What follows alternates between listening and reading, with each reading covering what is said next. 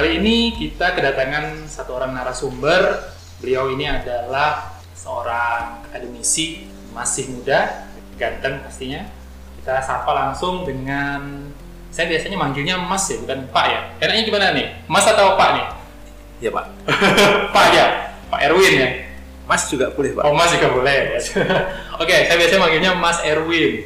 Nah, jadi beliau ini adalah salah satu tenaga pengajar atau dosen di Universitas Kutai Kartanegara. Tepatnya di Fakultas Pertanian. Pertanian ya. Ya. Oke, hari ini kita mau ngobrol dengan Mas Erwin nah, seputar dunia kampus. Jadi mungkin kalian yang ingin tahu seperti apa dunia kampus, mungkin punya keinginan untuk melanjutkan kuliah. Nah, hari ini mungkin bisa dapat informasi dari apa yang disampaikan oleh Mas Erwin. Nah, jadi Mas Erwin, langsung aja ya. Sebenarnya kuliah itu apa sih Mas Erwin?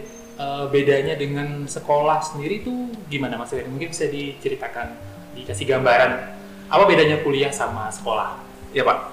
Jadi kalau kita melihat dari uh, penulisan itu kan juga sudah beda Pak. Oke. Ya. Nah kalau kita sekolah itu cuman sampai 12 tahun. SD, SMP, SMA. Iya. Nah sedangkan kalau kita kuliah itu bisa sampai S3 Pak.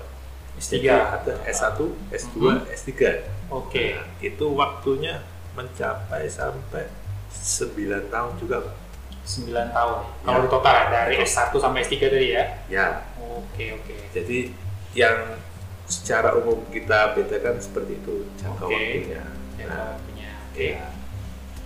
Mungkin eh, yang lain Mas Erwin, apa sih yang paling membedakan sekolah dengan kuliah? Mungkin ada yang beda nggak? Kalau sekolah kan mungkin siswanya eh, itu ada jam tertentu, misalnya masuk dari jam sekian sampai jam sekian, ada aturan-aturan, terus ada seragamnya. Nah kalau kuliah tuh gimana?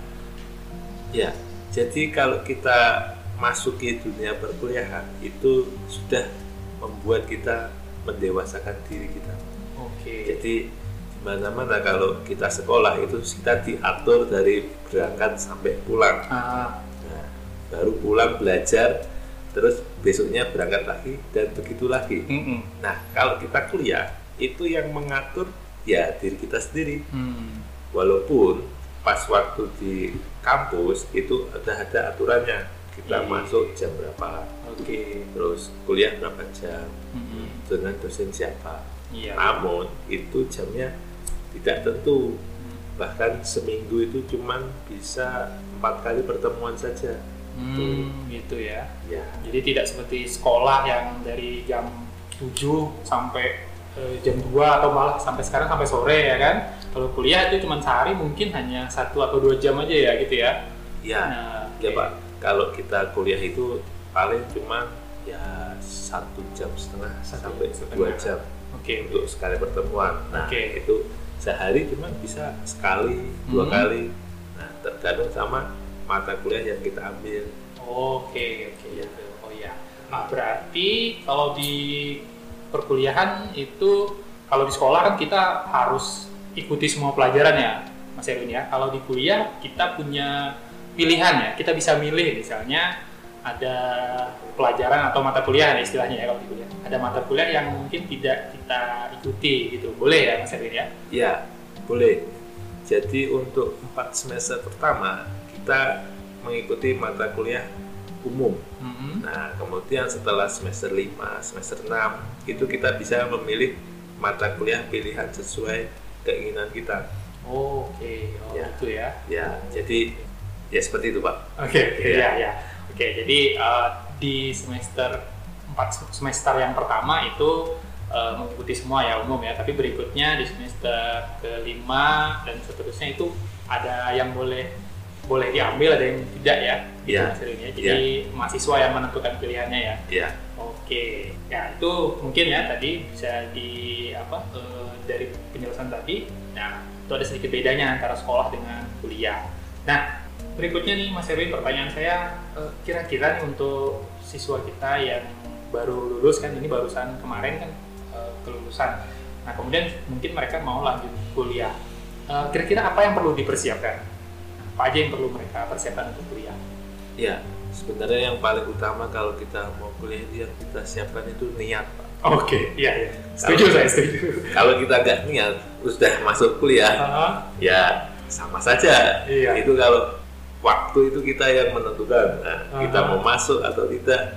Nah, itu sangat penting sekali. Iya. Nah, yang kedua itu kalau kuliah itu kalau kita di negeri, universitas negeri Hmm. itu maksimal dua tahun setelah kita lulus Oh, gitu ya. kita bisa masuk ke universitas negeri. Oke. Nah, kalau kita di universitas swasta, Hmm.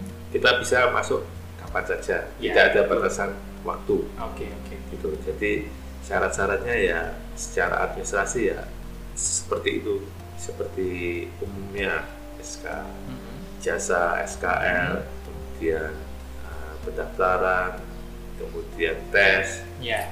kemudian wawancara. Ya tadi ya saya, saya setuju sekali tadi yang disampaikan Mas Erwin. Yang paling pertama tuh niat dulu ya. Ya, Nah, karena ya tadi eh, kalau kuliah itu beda seperti di sekolah ya. Iya. Mungkin eh, kalau di sekolah ya banyak aturan atau gimana. Sementara kalau kuliah mahasiswa tuh harus bisa mendewasakan diri ya, harus bisa disiplin sendiri. Jadi mengatur jadwalnya itu. Jadi tidak tidak diatur seperti di sekolah. ya. Dan Jadi- pula Mhm, banyak juga kan senior-senior yang sudah kuliah, mhm. teman-teman yang sudah kuliah sampai semester 9 ke atas. Iya. Nah itu kelamaan ya gara-gara ya itu dari Uh-huh. awal ya niatnya mau kuliah tapi disambi kerja, Hmm, disambi iya, iya, iya. main-main, Iya, iya. disambi dengan yang lain. Iya, iya. Jadinya itu kayak saya dulu itu.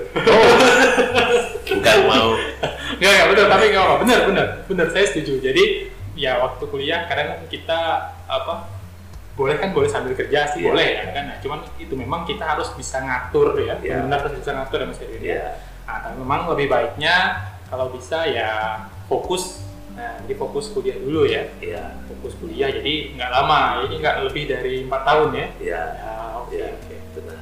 Jadi kalau persiapan yang lain administrasi ya standar aja, Mas Standar ya. aja. Yang, yang paling utama menyiapkan eh, diri dulu ya, Ya. harus niatnya harus eh, benar-benar serius Ya. mau kuliah. Oke. Ya kalau masalah biaya jangan takut. Mhm. Sekarang banyak sekali beasiswa Nah. yang bisa kalian dapatkan. Mhm. Jadi masalah untuk biaya pendaftaran SPP per semester sampai 4 tahun itu banyak sekali yang mau membayari kalian untuk kuliah. Oke. Jadi- nah ini penting nih Mas. Ya, istilahnya sekarang kuliah itu gratis. Oke. Ya, yang penting itu tadi kita Hmm. niat mau kuliah gitu. Niat mau kuliah. Kalau niat nanti serius ya kuliah. Ya, Oke, ya. Oke. Ya, jangan sampai kalau sudah dapat beasiswa terus kita ada di tengah-tengah ada kendala, uang beasiswanya kita pakai. Nah, Nah, iya iya iya. jadi Iya, bingung ini kan? bingung itu bahaya ya. Iya, ya, betul sekali. Nah, itu jadi kalau kalian mengira kuliah itu banyak biaya, nah tadi sudah disampaikan oleh Mas Erwin. Jadi uh, ada banyak peluang beasiswa ya Mas Erwin ya. Iya. Jadi kuliahnya bisa gratis. Ya, Jadi uh, yang penting kalian rajin cari tahu ya, Iya. rajin cari tahu gitu. Pokoknya ada informasi beasiswa banyak sekali. Nah ini luar biasa informasinya Mas Erwin. ya, Nah, oke. Eh, nah, ini juga pertanyaan yang banyak juga nih Mas Erwin di apa? eh, mungkin banyak yang mikir ini.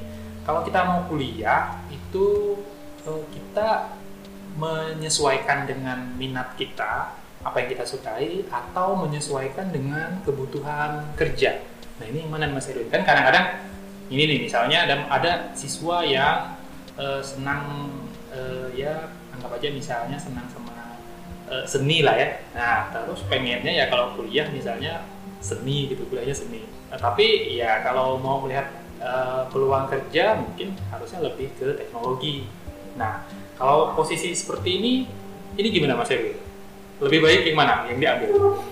kalau menurut saya, Ah, kalau kita melihat situasi yang ada di lapangan, hmm, banyaknya itu mereka memilih sesuai sama yang dibutuhkan.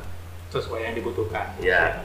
Kemudian mengesampingkan apa yang mereka inginkan. Hmm. Jadi passion kita Hmm. Ya, passion kita misal nih saya nih pak nah saya dulu awalnya pengen jadi petani nih pak Hmm. nah saya pengen bertanam di kebun di sawah tapi pas saat mau kuliah itu saya tidak masuk ke pertanian, Mhm. tapi saya masuk ke perikanan. Oh, Nah, gitu. jadi karena kesempatan itu ya tetap saya jalani itu. Hmm. Nah, misal kalau kita di Kutai Kartanegara ini, nah, di sini banyak sekali perusahaan tambang Mhm. batu bara, Iya. terus minyak Iya. dan lain-lain itu. Nah, itu sangat menggiurkan kalau kita Iya. ngambil ke arah ke situ, ke arah Iya. ke teknik. Iya. iya. Tapi kita juga harus melihat proyeksi berapa tahun ke depan nanti. Hmm. Nah, itu bakal berubah seperti apa? Iya, iya. Ya, itu kalau kita melihat dari sisi uh, melihat kebutuhan. Mhm. Tapi kalau kita melihat dari keinginan kita, misalnya kita ingin menjadi guru seperti Pak Rahmat, Mhm. itu kita harus kuliah di pendidikan. Ya, tidak apa-apa. Walaupun nanti saat setelah selesai kuliah, Mhm. kalian menjadi guru, ditempatkan di ujung, Mhm. kemudian gajinya tidak seberapa, Mhm. ya dinikmati dulu aja. Iya, gitu. iya. Nanti pasti kalau kita fokus, kemudian kita niat, terus berserah, Mhm. nah, kita pasti akan menemukan jalannya. Oke, gitu ya. Ya, Ya mungkin eh, ya kita harus bisa melihat peluangnya ya Mas Erwin ya. ya, Peluangnya nanti kira-kira memang apa yang memang dibutuhkan di dunia kerja ya kan. Iya. Terus sampai nanti ya ijazahnya sia-sia ya Mas Erwin ya. Tidak Iya. hanya sekedar mungkin sekedar ikut-ikutan teman nah, atau mungkin sekedar gaya-gayaan atau sekedar yang penting kuliah lah gitu ya kan. Iya. Nah, jangan sampai seperti itu. Jadi disesuaikan dengan kita harus bisa melihat eh, ke depan ini nanti kira-kira peluangnya apa. Nah, misalnya di sini tadi Mas Edwin bilang di sini ada pertambangan, eh, tapi kira-kira apakah masih proyeksinya masih jauh ke depan ya kan? Jadi atau mungkin sekarang lebih eh, lebih mengedepankan teknologi, nah mungkin juga bisa dilihat eh, pilihan-pilihan yang itu ya Mas Erwin ya. Oke, terima kasih nih Mas Erwin tadi informasinya. Nah pertanyaan saya yang berikutnya Mas Erwin, kita tahu ada di Indonesia aja lah, kan ada banyak universitas favorit, tapi jauh dari sini kan jauh ya, rata-rata kan mungkin di Jawa. Nah kira-kira kalau mau kuliah ini sebaiknya mengejar universitas yang favorit atau cari yang dekat saja? Nah, menyesuaikan apa kira-kira pertimbangannya gitu kira-kira Mas Erwin? ya. Kalau dulu saya kuliah Mhm. itu ya yang dekat rumah Yang saya. dekat rumah Ya, kebetulan ada universitas yang dekat rumah. Ah, Tapi kalau kita sekarang dengan kemampuan kalian yang lebih baik, lebih Hmm. tinggi, itu ya jangan sampai disia-siakan. mhm. Kita cari universitas favorit. Hmm. Nah, di Indonesia ini kan banyak universitas favorit yang ada, Mhm. walaupun itu semua ada di luar kota kita. Gitu. Nah, itu tidak menjadi masalah untuk kita, karena ya untuk mengejar impian kita sampai negeri Cina pun kita Iya. akan datangi gitu. Betul, betul. Jadi kalau melihat ya dari kemampuan kita, kalau kemampuan kita bisa sampai ke sana, kita ambil saja. Mhm. Tapi kalau kita melihat situasi kondisi kita yang harus mengharuskan kita di tempat kita sendiri ya Hmm. tidak apa-apa. Tidak apa-apa ya. Ya, Jadi eh, ya artinya ya kita menyesuaikan diri ya Mas Erwin ya. ya, Kalau kita mampu, kenapa enggak? Ya kan? Kenapa kita enggak kuliah di universitas yang favorit yang memang kalau lulus itu memang eh, diakui ya, lulusannya diakui gitu ya kan. Tapi kalau itu juga eh, di luar kemampuan kita eh, kuliah yang dekat pun juga tidak masalah ya Mas Erwin ya. Kembali ke tadi mungkin ya yang Mas Erwin bilang di pertama, asalkan kita memang pribadi eh, fokus dan memang niat mau kuliah yang serius, hasilnya juga tidak mengecewakan ya Mas Erwin ya kan? ya, benar Pak. Nah, Mas Erwin, kalau setelah kuliah gitu ya kan, nah ya ini kan pasti kita tujuannya ya setelah kuliah kita bisa bekerja lah ya kan. Nah, tapi eh, sebenarnya di, di kuliah sendiri, di dunia perkuliahan sendiri, itu selain tentunya ijazah yang didapatkan, itu apalagi sebenarnya Mas Erwin yang bisa didapat di eh, perkuliahan? Ya, jadi kalau kita kuliah itu selain ijazah, kita juga mendapatkan skill, Hmm, kemudian relasi, hmm, kemudian kemampuan berpikir yang lebih baik, kemudian kemampuan menganalisa. Karena tujuan kuliah itu sendiri bagaimana kita bisa beradaptasi pada lingkungan masyarakat. Jadi tidak semata-mata kita kuliah itu untuk bekerja. Iya. Nah, itu istilahnya nomor sekian. Sekiannya ya. Ya, yang utamanya setelah kita kuliah kita bisa memposisikan diri kita di masyarakat. Hmm. Nah, yang di mana kalau kita cuma sampai sekolah saja, ya kita masih belum atau belum bisa memahami kondisi di masyarakat. Hmm.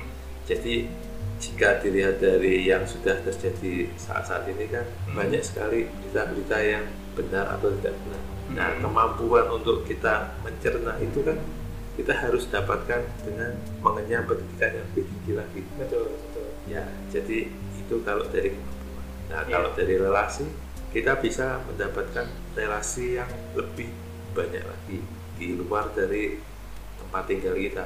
Iya. Nah, itu mempengaruhi untuk kita nanti untuk mencari kerja atau membuat suatu lapangan pekerjaan. Nah, dari situ kan kita bisa mendapatkan hasilnya. Nah, kemudian kalau kita mempunyai kemampuan yang lebih baik lagi, kita bisa lanjut kuliah lebih tinggi lagi. Hmm. Nah, itu kalau kita sudah kuliah lebih tinggi lagi, kita akan mendapatkan suatu pemikiran yang lebih baik lagi Hmm. dan bisa untuk memberikan sangu untuk kita nanti ke depannya. Iya. Gitu, Pak. Ini apa maksudnya nih Mas Erwin? Sangunya ini kalau boleh di Sangunya semisal nih, semisal kita kuliah sampai uh, doktor Nah, S3. iya. Nah, kita kalau mau menjadi dosen atau menjadi akademisi atau menjadi guru itu naik pangkatnya tuh lebih tinggi Oh, lagi, iya, gitu, iya, iya. lebih cepat Iya, iya, iya, betul, betul. dan kita bisa lebih dihargai. Oh iya iya iya betul betul sekali ya.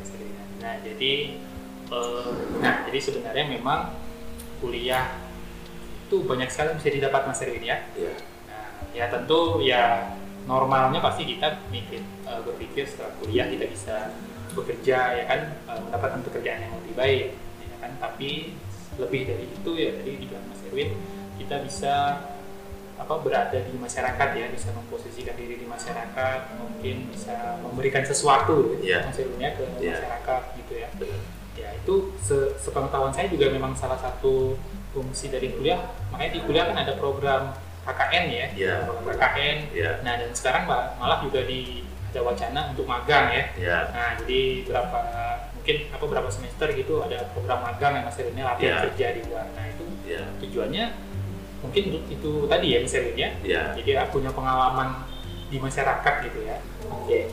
Nah kalau boleh ini tanya mungkin pertanyaannya agak agak pribadi Mas Erwin ya. nah kalau Mas Erwin sendiri kan tadi memilihnya waktu kuliah waktu kuliah dulu milihnya apa programnya perikanan ya Perikanan. nah eh, itu kira-kira Mas Erwin kenapa apa alasannya Mas Erwin kok melihat eh, jurusan perikanan ini mungkin apa sih yang menarik dari situ Ya, jadi dulu Eh, kalau sekarang namanya SBMPTN ya. Ah, ya Ya. Oh, itu SBM ya Nah, kalau dulu namanya SPMB, Seleksi Penerimaan Masuk Bersama. Nah, itu saya mengikuti itu Pak. Gitu. Mm-mm. Itu kan bisa memilih di beberapa universitas negeri. Tapi di samping itu saya sudah mencoba mendaftar di universitas yang lainnya. Saya ikut tes, kemudian menunggu, akhirnya lolos. Yang saya pilih itu kan di perikanan Pak. Mm-mm. karena dulu passing grade passing grade itu favoritnya itu masih agak rendah. Oh iya. Jadi peluang kita masuk itu lebih tinggi. Nah kalau kita milih passing grade yang tinggi nah saingannya juga lebih banyak lagi. Iya. Nah oleh karena itu saya masuk ke perikanan itu secara nggak langsung karena lolos SPMB itu Pak. setelah masuk ke perikanan ya ya sudah saya sudah kepala basah Pak, ya.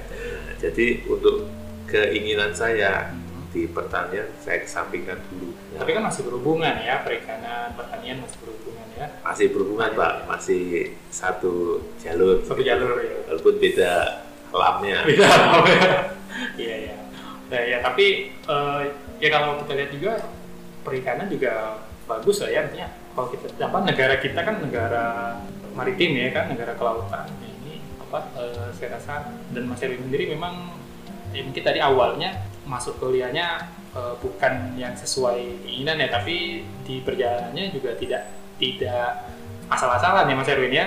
Ya kan tetap juga dilakukan dengan serius ya kan? Ya, Ah. jadi yang saya ketahui untuk lulusan perikanan, kemudian peternakan, kehutanan itu sangat sedikit. Sangat sedikit ya. Di sini. Mm-mm. Di kota kita itu pak. Mm-mm.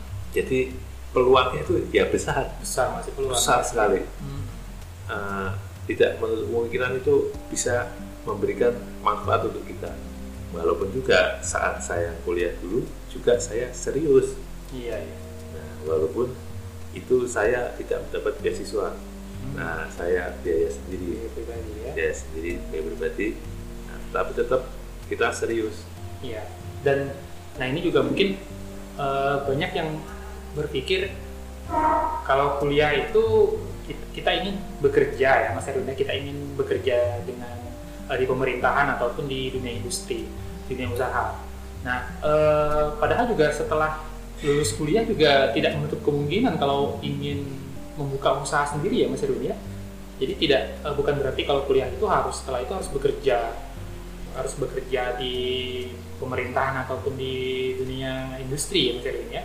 Kita Iya, juga bisa membuat usaha sendiri ya. bisa Pak. Jadi kalau kita kuliah untuk bekerja ya itu pemikiran zaman dulu. Zaman dulu ya. Ya, tahun 90-an. Tahun 90-an. Nah, zaman tahun 80 tuh kita kuliah tuh jadi PNS. Iya. Kemudian tahun 90 kita kuliah di di universitas untuk kerja di BUMN. Hmm, bener. Nah, tahun 2000 ini sudah beda pak. Oh, udah beda ya. Ya, di zaman milenial kita Hmm. kuliah itu untuk kita bisa membuat lapangan pekerjaan sendiri. Hmm. Tuh, jadi kita menyesuaikan dengan keadaan zaman sekarang. Hmm. Nah, baiknya setelah kita selesai kuliah itu kita mencoba untuk membuat lapangan pekerjaan sendiri. Iya. Karena itu lebih bermanfaat untuk semua Hmm. pihak. Nah, kalau kita kuliah kemudian lulus kita langsung kerja di pemerintahan atau di industri, ya itu manfaatnya untuk kita sendiri. Iya. Walaupun setelah kita menjalaninya sampai beberapa tahun, kemudian kita memberikan manfaat untuk yang lain, itu bisa jadi. Iya. Tapi kan nah, prosesnya agak lama. Iya. Nah, kalau kita langsung terjun ke lapangan pekerjaan yang kita buat sendiri, Iya. tentunya manfaatnya sangat baik sekali. Iya. Gitu. Nah sekarang kan Mas Erwin kondisi kita sekarang ini kan dengan adanya pandemi COVID-19 ini ya, kalau virus corona ini ya kan eh, banyak tenaga kerja yang di PHK. Ya, Nah kira-kira apakah memang masih relevan atau apakah memang masih dibutuhkan ya, skill-skill ataupun ilmu yang didapatkan di perkuliahan? Sementara kondisinya sekarang ini seperti ini gitu. Nah kira-kira apa yang berbeda Mas Erwin dan, dan harus bagaimana kita melihatnya terus eh, menyikapinya harus bagaimana dengan perubahan seperti sekarang ini ya, benar Pak. Jadi yang harus kita tekankan Mhm. saat ini, ini kita semua kan sudah berubah semua nih, Pak. iya 180 derajat. betul Walaupun kita belum merasakan dampaknya di sini. Iya. Sekarang kita itu harus lebih kreatif. Itu saja dulunya kreatif. kreatif Nah, semisalnya Bapak sebagai guru, nah, mengajarnya kan harus lebih kreatif lagi, Iya. dengan membuat video, Iya. tutorial yang lebih menarik gitu. Nah, kalau saya di bidang ilmu saya, saya harus bisa mengaplikasikannya lebih kreatif lagi. Hmm. Misalnya kita mengetahui kalau petani saat ini rata-rata itu masih menjualnya secara manual kan Pak ya. Tetapi gimana caranya kita bisa membantu mereka itu menjual belikan produk pertaniannya secara online. Karena Jadi sekarang petani juga online ya sekarang ya ya Hmm. harus online, harus melek teknologi. betul betul Jadi manfaatnya selain untuk menaikkan harga, Hmm. kemudian kita sebagai konsumen mendapatkan produk yang lebih segar Hmm. karena langsung dari sumbernya. oh iya iya Nah, jadi pada masa sekarang ini apa yang kita ambil atau kita jalani itu harus melihat situasi sekarang. Jadi kita harus berpikir kreatif bagaimana mengatasi masalah ini. Nah, kalau kita lebih kreatif, pasti kita ada jalan. Iya, oke. Jadi eh, sekarang semua pihak ya dari kampus atau juga dari sekolah ini memang dituntut untuk kreatif ya dan harus misalnya kondisinya sekarang tidak tidak bisa dilaksanakan tatap muka di perkuliahan ataupun di sekolah ya sekolah dan kampus harus memikirkan bagaimana caranya ya Mas Erwin ya. Iya. Nah, jadi harus berpikir kreatif lagi. Dan begitu juga dengan eh, mahasiswanya ya dan seperti Mas Erwin bilang tadi juga sampai ke eh, petani ya. Iya. Mas Erwin kan ini setiap hari ya kan bergaul dengan para petani ya, terutama yang di sini ya kan. Iya. Jadi tadi eh, petani pun berarti sekarang sudah diarahkan untuk bisa menjual online ya. Jadi apa eh, hasil pertaniannya itu dijual secara online. Luar biasa sekali ya Mas Edi ya. Tapi itu memang apakah hanya karena kondisi ini apa ha- hanya karena kondisi ada pandemi Covid-19 ini atau memang ke depannya memang harus seperti itu arahnya Mas Edi? Kalau kita melihat ke depannya, itu pasti akan berubah lebih naik lagi, Lebih canggih lagi ya. lebih canggih lagi teknologinya. Iya. Nah, nah kalau kita ingin maju ya harus beradaptasi dengan Beradaptasi. zaman yang kita jalan saat ini. Iya. Jadi ke depannya nanti petani diharapkan itu bisa melek teknologi. Hmm. Walaupun nanti yang petaninya yang sudah berumur itu nanti anaknya yang kita ajari untuk Hmm. itu melek teknologi. Iya. Jadinya ya kita sebut itu petani milenial. Petani milenial. Ya, jadi petani milenial itu sekarang nggak mau kotor, nggak mau kena tanah, nggak mau panas, nggak mau hitam. Ah. Nah, jadi mengatasinya begitu. Begitu. Kita menggunakan teknologi Teknologi. dari segi budidayanya, Mhm. kemudian segi pemasarannya, Hmm. kemudian segi proses pengolahannya. Hmm. Jadi semua menggunakan teknologi. Jadi yang menggunakan manual sudah tidak digunakan lagi. Ya. Apa nih Mas Erwin contohnya salah satu teknologi pertanian yang sekarang ada nih mungkin bisa diceritakan sedikit. Ya, jadi saya contohkan sedikit itu menggunakan namanya IoT, Mhm. Internet of Things. Aha. Nah, jadi kita saat kita ingin menyirami, kita cukup menggunakan Android kita. Kita pencet dari rumah, Hmm. di kebun itu sudah nyiram sendiri airnya pak. Wah canggih sekali. ya. Iya. jadi Nggak perlu nggak perlu ke sawah ya, nggak perlu panas-panasan. nggak perlu Nggak panas-panasan, perlu kotor-kotor ya. nggak perlu kotor-kotor. Wah. Itu cuma pakai teknologi itu pak. Ah. Jadi ya kita bisa menyirami secara otomatis, memberikan pupuk otomatis, Hmm. mengetahui suhu, temperatur dan pestisida yang kita gunakan itu kadarnya berapa, kita Hmm. juga mengetahui bisa. Mhm. Nah itu semua menggunakan teknologi pak. Hmm. Itu walaupun di sini belum Hmm. dijalankan. Belum dijalankan ya. Ya, banyak kendala yang mungkin juga masih masih ya. Ya. Tapi ya eh, kendala itu kita bukan kemudian kita jadi mundur ya Mas Ya, ya. Nah, ya. Cuman kita harus cari cara gimana kendala itu eh, maksudnya misalnya kita kekurangannya tadi masalah apa teknologi ataupun sarananya infrastrukturnya yang belum ada ya itu harus diusahakan supaya bisa dilaksanakan gitu Mas Erwin ya. Ya, ya, ya. Saya lihat nanti ke depannya pasti semua petani bisa menerapkan Hmm. itu juga mempengaruhi hasil produksi mereka juga. Iya iya. Iya. Iya karena mungkin dengan bantuan teknologi bisa hasilnya lebih banyak ya Mas Erwin ya. Iya, benar pak. Jadi bisa meningkatkan juga kesejahteraan petani juga jadinya ya kan untuk ujung-ujungnya gitu kan. Iya pak. Wah itu ternyata eh, saya juga baru tahu ya. Jadi teknologi-teknologi begitu ya kan eh, bukan cuma di di sekolah ataupun di dunia pendidikan saja yang sekarang harus menyesuaikan apa harus beradaptasi dan menggunakan teknologi, memanfaatkan teknologi. Ternyata dunia pertanian juga memanfaatkan teknologi ya harus makin canggih ya sekarang ya. Iya, benar.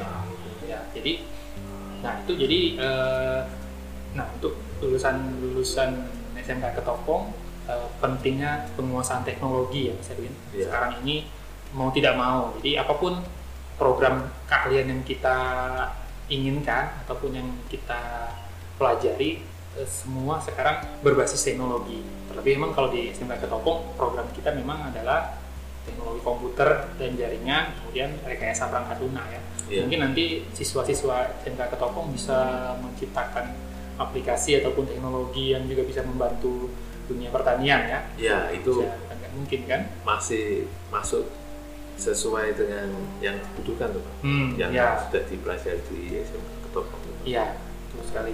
Itu jadi makanya eh, sekarang di SMK Ketopong ada program rekayasa perangkat lunak kan. Iya. Jadi mudah-mudahan dari situ ada nanti hasil karya siswa SMK Ketopong yang bisa membantu dunia pertanian ya, Irwan. benar. Jadi kita sinergikan ya, kita Iya. eh, bisa dikoneksikan. Jadi ada saling memberi manfaat gitu ya Mas Erwin ya. Ya, dari itu kan kita juga bisa langsung menciptakan lapangan pekerjaan. ya, Nah, betul sekali ya Mas Erwin ya. Ya, jadi menciptakan lapangan pekerjaan nah itu tadi jadi kuliah nah itu tadi ya kembali ke pembahasan kita kuliah itu tadi Mas Erwin bilang kalau pola pikirnya kuliah itu untuk bekerja di pemerintahan ataupun di perusahaan perusahaan swasta ataupun ataupun perusahaan negara memang tidak salah ya Mas Erwin ya Tidak boleh salah, tidak salah Boleh. nah, tapi eh, zaman sekarang ya zaman now ini Ya. mungkin harus berpikirnya memang lebih milenial. Jadi bagaimana caranya keahlian yang didapatkan di sekolah ditambah lagi dengan kuliah itu bisa menciptakan lapangan kerja ya Mas Erwin ya? Iya, atau eh, setidaknya bisa memberi apa masukan dan membantu masalah yang ada di masyarakat. Kayak tadi ya misalnya Mas Erwin masyarakat apa di pertanian ya di pertanian bagaimana meningkatkan produksi petani nah tadi diciptakan teknologi-teknologi iya. gitu jadi diharapkan eh, mahasiswa itu nanti setelah lulus mempunyai karya yang bermanfaat gitu maksudnya Mas Erwin Ya, ya ya. Nah itu yang dimaksud dengan memposisikan diri kita di masyarakat, Pak. betul Jadi kita berguna atau bermanfaat untuk masyarakat kita sendiri. iya betul sekali Ya, Nah, jadi tapi kalau Mas Erwin melihat juga di sini eh, perkembangan pertanian ya secara luas ya Erwin ini perkembangan pertanian di khususnya di eh, Kutai Kartanegara sendiri itu seperti apa Mas Erwin? Apakah peluangnya besar atau bagaimana? ya. Kalau peluang untuk di Kutai Kartanegara ini masih sangat besar. Masih sekali. sangat besar sekali ya. Ya, jadi kita menggunakan teknologi itu baru Mhm. di bawah 10 persen. Masih di bawah 10 persen ya? Masih di bawah 10 persen. Hmm. Jadi masih sedikit. Iya, Jadi peluangnya itu sangat besar, sangat besar ya. sangat besar. Jadi siapa tahu mungkin ada lulusan yang berminat kalau kuliah di pertanian tidak harus jadi petani ya.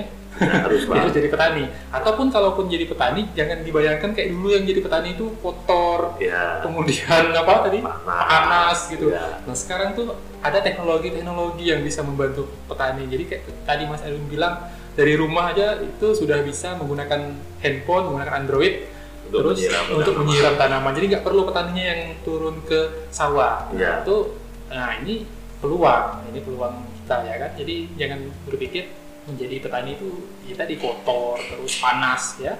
Nah jadi kalau manfaatkan teknologi, ya gitu Mas Erwin ya. Ya, benar. Jadi peluang masih sangat besar. Mungkin siapa tahu setelah eh, mendengarkan podcast ini jadi terpikir ya mungkin. Ini saya rasa mungkin sekarang ini eh, lulusan-lulusan kita Mas Erwin eh, mungkin agak galau ya. Ya, Ini kan kondisi sekarang juga seperti ini ya susah ya kan. Ya. Nah jadi setelah lulus ini mau ngapain? ya, Nah itu jadi kerja juga sekarang kondisi lagi susah ya kan. Nah Iya. mungkin kalau mau kuliah juga harus berpikir matang-matang. Apa yang memang peluangnya besar, ya, ya kan? Apa yang kira-kira memang masih dibutuhkan. Nah, tadi jadi dari yang disampaikan oleh Mas Erwin tadi ya mungkin jadi punya ide atau punya pemikiran eh, tidak ada salahnya mungkin bisa eh, bergabung dengan Fakultas Pertanian ya ya. Nah, Iya. Tapi pokoknya dapatkan ilmu yang ada di situ ya. ya, Gitu. Jadi dan tentunya tadi ya bilang Mas Erwin berpikirnya harus maju. ya, Jadi pemanfaatan teknologi ya. Jadi jangan berpikirnya masih apa tradisional ya. Nggak tradisional kita Iya. ya. Kalau kita masih berpikir tradisional, Mhm. ya itu baik. Iya. Kalau kita lihat dari sisi budaya, Mhm. terus karakter kita, Mhm. supaya kita nggak lupa dengan tradisi-tradisi yang Oh, sudah iya. dijalani dulu. Betul. Tapi untuk kita melihat proses-proses untuk memberikan manfaat, kita harus melihat dengan keadaan sekarang juga, Pak. Iya. iya. Jadi menyesuaikan Mas Erwin ya. Ya, Dan ya tadi manfaatkan teknologi ya. ya Jadi kita harus tidak hanya menerima apa adanya. ya Jadi kita harus mencari tahu, mencari terus seperti apa supaya hasil yang kita kerjakan itu lebih baik lagi gitu Mas Erwin ya. benar Terakhir mungkin Mas Erwin sebelum kita tutup podcast Ya. kita kali ini, mungkin ada pesan dari Mas Erwin untuk lulusan-lulusan SMK Ketopong apa yang sekarang ini sebaiknya dilakukan, kemudian apakah eh, sebaiknya apakah kuliah atau tidak? Ya kan? Mungkin ada pesan dari Mas Erwin silakan. Ya, jadi untuk kalian yang sudah lulus dari SMK Ketopong itu lebih baiknya, lebih baiknya ya kita terus belajar, Betul. terus belajar sampai kita tua. Nah, belajarnya itu bisa langsung kita kuliah lagi, masuk ke perguruan tinggi. Dari situ kita bisa mendapatkan manfaat lebih baik. Nah, kalau kita setelah lulus kemudian kita ingin membantu orang tua, ya boleh, Iya, betul. boleh. Tapi disambi dengan dengan belajar juga. Iya. Jadi jangan lupa untuk tetap belajar. Hmm. Gitu. Jadi untuk kalian ya tetap harus semangat ya, walaupun kondisi sekarang begini Iya, harus tetap semangat ya. harus tetap Iya. semangat Tetap semangat, terus tadi kreatif ya. kreatif Kreatif itu berarti ya harus buka mata dan buka telinga Mas Edwin ya. Ya, Nah, lihat ya. peluang peluang yang ada, kira-kira apa yang bisa kita ambil, ya. kan? ya Ya tadi memang harus tetap semangat dan tetap belajar. ya Nah, yang penting sekali Mas Edwin ya. ya Jadi jangan berpikir setelah lulus sekolah ya sudah selesai belajar ya gitu ya kan? Ya. Nggak, nggak selesai ya. Ya. Belajar belajar terus ya, harus Ya. terus belajar ya. ya jadi kita lulus sekolah itu itu baru permulaan pak Baru permulaan justru ya. ya jadi tempat belajar yang paling banyak itu ya di masyarakat Hmm, setuju. jadi kalian setelah lulus ini jangan cuma di rumah aja Ya, ya walaupun di rumah aja sekarang Di ya aja ya, harus di rumah Ya, aja. tapi tetap kita harus berkontribusi di lingkungan di sekitar lingkungan masyarakat. ya bisa di sawah, bisa di kebun, bisa di RT, RW, membantu orang tua. membantu ya membantu Ya. orang tua membantu lingkungan ya mas Erwin Ya. dan itu juga dengan membantu itu juga sambil belajar jadinya ya mas Erwin Benar, benar. Nah, kalau nggak langsung kan bisa misalnya diminta untuk coba itu olahkan kebun saya. Nah, itu iya iya secara nggak langsung dapat lapangan pekerjaan. iya betul Tinggal kita kreatif itu mau diapakan kebunnya. iya iya Begitu, Pak. iya iya betul sekali ini jadi ini pesan yang luar biasa tadi penting sekali yang tadi disampaikan mas Edwin jadi setelah justru setelah lulus sekolah ini permulaan ya jadi bukan Iya. akhir dari belajar justru ini permulaan nanti kita banyak belajar dari masyarakat nah, itu tadi jadi sekarang harus melihat jadi jangan berdiam diri jadi harus melihat apa yang bisa kita bantu ya Mas Erwin ya di masyarakat ya kan Iya. nah, siapa tahu dari situ juga ada peluang ya Mas Erwin ya Benar. ada peluang kerja ada peluang usaha mungkin ya kan Ya. Nah ini mungkin harus kita apa eh, garis bawahi ya. Jadi terus belajar, harus kreatif dan harus tetap semangat ya. Jadi kondisi sekarang memang sulit, susah, tapi tidak menutup kemungkinan ya, tidak membuat kita jadi justru lemah ya Mas Erwin ya. Benar. Justru kita jadi harus makin kuat, makin kreatif dari sebelumnya ya. Iya. Ya, Mas Erwin, ini terima kasih sekali waktunya sudah eh, meluangkan waktu untuk kita ngobrol di sini. Mudah-mudahan yang kita obrolkan ini ada manfaatnya untuk eh, siswa-siswa kita eh, dan juga yang baru lulus pada tahun ini ya. Sekali lagi terima kasih Mas Ya, Pak. sukses terus ya, sukses terus dan tetap sehat ya. Ya, Tetap semangat ya. ya. Ya, Oke. coba lagi. Ya, nanti kita mungkin nanti di episode-episode yang lain kita akan ngobrol lagi dengan Mas Erwin lagi, membahas hal-hal lain juga. Ya. Nanti masih berkaitan dengan dunia pendidikan, dunia kuliah, ataupun dunia pertanian gitu mungkin nanti ya. Ya. Mas Erwin dunia teknologi, wah banyak sekali bisa kita bahas nanti. Ya. Oke, nah itu tadi mungkin podcast kita untuk hari ini. Terima kasih buat yang sudah menyaksikan. Saya akhiri. Assalamualaikum warahmatullahi wabarakatuh.